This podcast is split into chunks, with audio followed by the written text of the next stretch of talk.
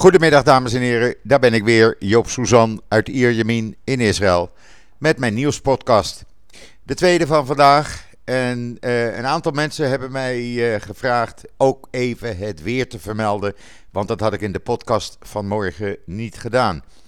Nou, daar komt hij dan. Het is uh, 28 graden, blauwe lucht, een lekker briesje erbij, prima uit te houden.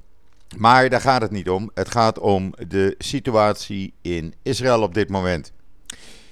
Uh, de raketten vallen nog steeds bij bosjes.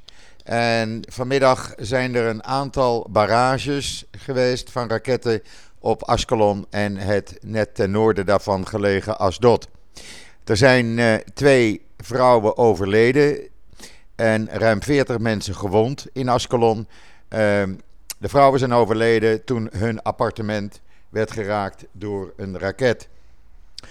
Um, verder zitten duizenden mensen, tienduizenden mensen in uh, uh, de plaatsen, de Moshavim, de kibbutzim rond Gaza. Uh, al sinds gisteren dus in schuilkelders. Ehm, mensen in Asdod en Ascalon hebben vanmiddag ook urenlang in schuilkelders moeten zitten. Uh, heb je een, uh, een safe zoals ik die hier heb, dan ga je daarin zitten. Uh, er werd geadviseerd niet de straat op te gaan.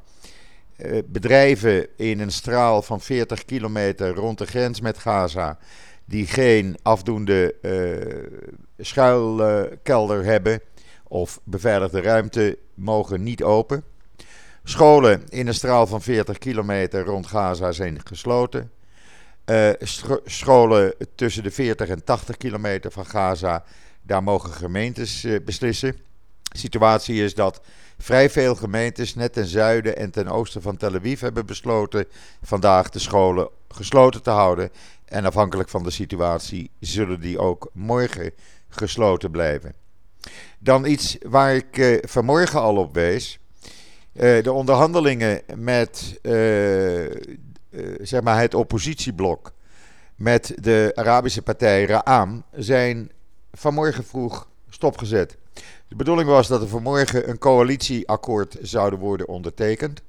Waarbij die Arabische partij vanuit de Knesset steun, schriftelijk steun zou beloven aan de oppositiepartijen die de regeringscoalitie uh, deel van uitmaken. Die die besprekingen zijn dus nu stopgezet. Er is geen ondertekening geweest. En dat komt uh, premier Netanyahu er goed uit. Jair Lapid heeft nog drie weken om zijn mandaat rond te breien. En een regering uh, bij elkaar uh, te brengen. ondertussen hoort u het raketalarm afgaan. Ik heb hem aanstaan. ik heb hem constant aanstaan. Ik krijg ook van de IDF constant bericht. Ik zet hem niet uit, dan weet u een beetje hoe het hier toe gaat. Um, ja, het komt jou dus goed uit. Want als Lapid, als hij deze oorlog nog drie weken kan volhouden. En uh, de mensen die daarin gespecialiseerd zijn, die het weten kunnen, die zeggen: Nou, dat zou wel eens een truc weer van hem kunnen zijn om het nu te gaan rekken. Dan betekent dat dat Lapid uh, zijn mandaat moet teruggeven aan de president. En de, iemand uit de Knesset een regering mag samenstellen. Uh, waar dus Netanyahu deel van uit gaat maken. Dus ook dat speelt. Daarnaast Avi Iskarov, en die volg ik al jaren. Avi Iskarov is een politiek commentator, militair commentator. Maar Avi Iskarov is ook een van de schrijvers achter de serie Fauda. En die zegt uh, zojuist in een, uh, in een tweet die hij rondstuurt. Dat als iedereen zich afvraagt. Uh, als nog iemand zich afvraagt wat Hamas eigenlijk wil bereiken. Dan wil hij erop wijzen dat Hamas nu bewijst wie de baas is. En dat is niet meneer Abbas. Hamas heeft de Palestijnse autoriteit onder leiding van Abbas opzij gezet. En op, uh, Hamas is dus nu de baas, niet alleen in Gaza, maar ook op de Westbank. De Palestijnse autoriteit is uh, irrelevant geworden. En doordat Hamas nu zo een krachtspositie heeft, uh, niet alleen in Gaza, de Westbank, maar ook in Oost-Jeruzalem, zegt Avi Isgerov dat dit eigenlijk precies is wat Netanyahu graag wil. Uh, hij hoeft niet meer te praten met Abbas, hij gaat nu praten met uh, de leiders van de terreurclub Hamas en Islamic Jihad. We zullen zien in hoeverre dat uitkomt. Inmiddels is er ook bekend geworden dat de raketten die gisteren zijn gebruikt om Jeruzalem te, uh, te beschieten, die, dat zijn nieuwe raketten die Hamas heeft. Die hebben een bereik van ongeveer 120 kilometer. Dat betekent dat ze dus niet alleen Jeruzalem, maar ook Haifa kunnen bereiken. Het is een verbeterde soort van de raket die ze in uh, 2014 hebben gebruikt, waarbij er een paar richting Haifa werden afgeschoten. Dat is ook iets waar de IDF rekening mee moet houden. De IDF uh, is op dit moment bezig met gerichte uh, acties. Dat betekent dat er gericht op lanceerplaatsen en uh, groepen lanceerders wordt geschoten. Ook is er een, een huis geraakt vanmorgen waar vandaan raketten op Israël werden afgeschoten.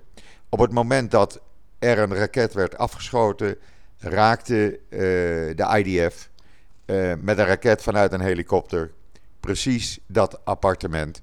Waarbij drie Islamic Jihad-leden, uh, waaronder een commandant, zijn omgekomen. Een andere Islamic Jihad-commandant is een, paar, een uurtje geleden naar de andere wereld geholpen door een gerichte aanval op zijn verblijfplaats. Die zijn we dus ook kwijt. Ehm, de verwachting is dat het dreigement om Tel Aviv en verdere doelen in Israël aan te vallen, ehm, dat dat gaat gebeuren. Ehm, men neemt dat niet lichtzinnig op hier in Israël. we houden er rekening mee. Ik ben vanmorgen nog even gauw uh, wat extra boodschappen gaan halen. Want ja, je moet toch even voorbereid zijn. Dus ik kan, ik kan het een paar dagen uithouden. Ondertussen heeft president Rivlin vanmiddag alle ambassadeurs van de EU-landen bij elkaar geroepen in het King David Hotel in Jeruzalem. En heeft daar een uh, toespraak gehouden, noem het maar een briefing, waarbij hij uitleg gaf van de situatie. U kunt zijn uh, tekst lezen op mijn website israelnieuws.nl. Daar staat het hele verhaal op. Heel interessant wat hij daarbij gezegd heeft. Ik weet niet, ik heb die vraag nu liggen bij het Government Press Office. Of ook de Nederlandse ambassadeur daarbij aanwezig was. Ik dacht dat ik hem op de foto zat, zag, maar ik ben er niet zeker van. Dus ik heb even de vraag neergelegd bij Government Press Office van... kan je nakijken op de gastenlijst of hij daarbij aanwezig was. Als dat bekend is, zal ik het uh, ja, op Twitter en op Facebook meteen laten weten. Ondertussen, als u op mijn uh, Twitter-account kijkt, dan zult u allerlei filmpjes zien die ik toegespeeld krijg. Niet alleen van de IDF, maar ook van anderen hier in Israël die zich bezighouden met de gevechten en weer hun kanalen hebben om uh, exclusieve video's en foto's uh, online te zetten. Die kreeg ik toegestuurd, die zet ik meteen online. U zult daar zien aanvallen op uh, huizen en appartementen in Ashkelon en Asdod. Uh, er staat een fotoserie op mijn Twitter-account waarbij u ziet hoe mensen dekking moeten zoeken in de straten uh, achter een auto. het is oorlog. Dat kunnen we gerust zeggen. Alhoewel, het is ook een beetje onwezenlijk. Want ik zit hier in mijn appartement in Ierjamin. Alles gaat normaal door. De shops, eh, de winkels zijn open, de mall is open. Mensen zitten op het terrasje. Terwijl nog geen 80 kilometer zuidelijker de oorlog is uitgebroken. En mensen dus in hun huizen of schuilkelders zitten. Dat is een hele onwezenlijke situatie en daar raak je nooit aan gewend. Het is niet de eerste keer dat ik dit meemaak in die 21 jaar dat ik nu in Israël woon. Maar het blijft altijd onwezenlijk. En ik probeer me altijd uh, voor te stellen de situatie, hoe dat nou is in het zuiden.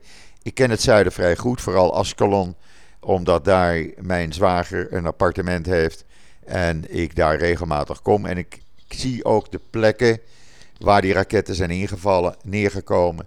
En dat is ook in de omgeving van zijn appartement. Hij woont daar niet op dit moment. Hij is nu in zijn uh, huis in Jeruzalem. Uh, ik heb hem even gebeld, maar alles is gelukkig goed. Uh, hoe de situatie nu verder zal, zal gaan. Ja, vergelijk het met een pingpongwedstrijd. Het is uh, aanvallen van Hamas die weer worden beantwoord met aanvallen van de IDF. De IDF heeft inmiddels 5000 reservisten opgeroepen. Vanmorgen werd al bekend dat er drie bataljons reservisten van de grenspolitie zijn opgeroepen. Uh, even voor het. Uh, ja, zie dat maar als een. Ik zal het uitleggen.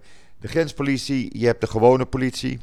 Je hebt de grenspolitie, die voornamelijk in Jeruzalem en de Westbank en rond Gaza opereert. het is een soort paramilitaire politieorganisatie. En dan heb je de IDF. Dus de versterkingen zijn onderweg. Uh, er zijn ook versterkingen onderweg met tanks en andere artillerie-eenheden naar de Gaza-regio.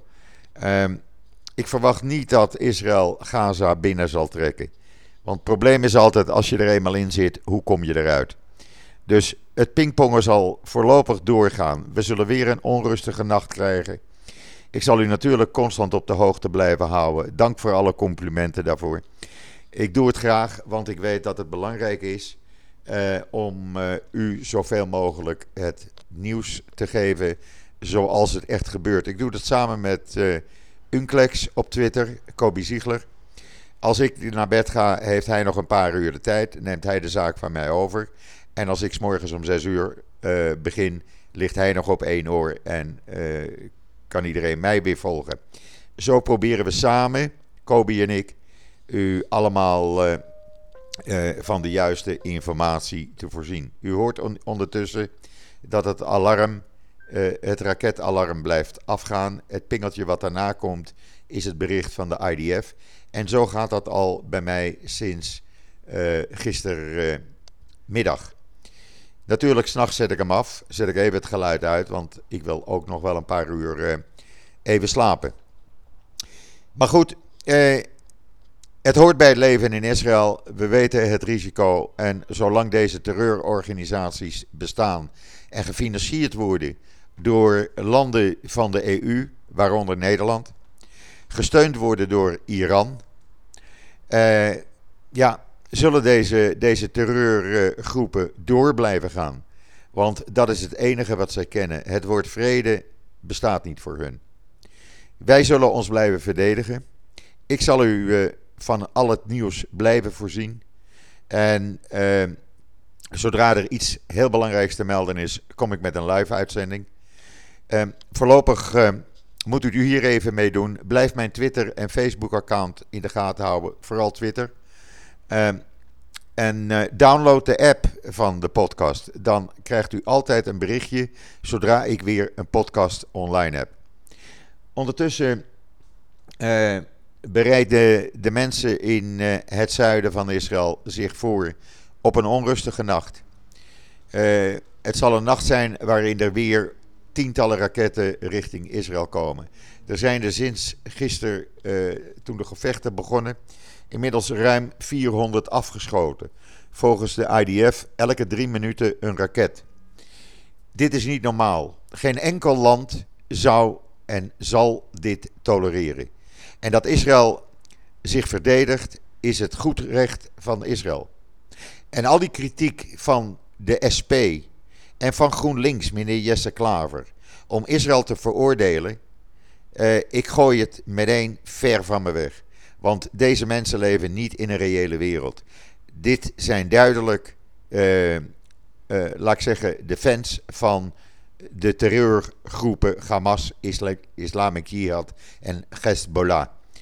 En meneer Jesse Klaver met zijn GroenLinks en meneer Van Dijk van de SP, die dan een mond vol hebben op social media om Israël aan te pakken en Israël te veroordelen, die moeten eens een keer zich achter de oren krabben en zich afvragen van wie speelt hier nou uh, de rol van uh, uh, terreur? Is dat Israël of is dat Hamas en co?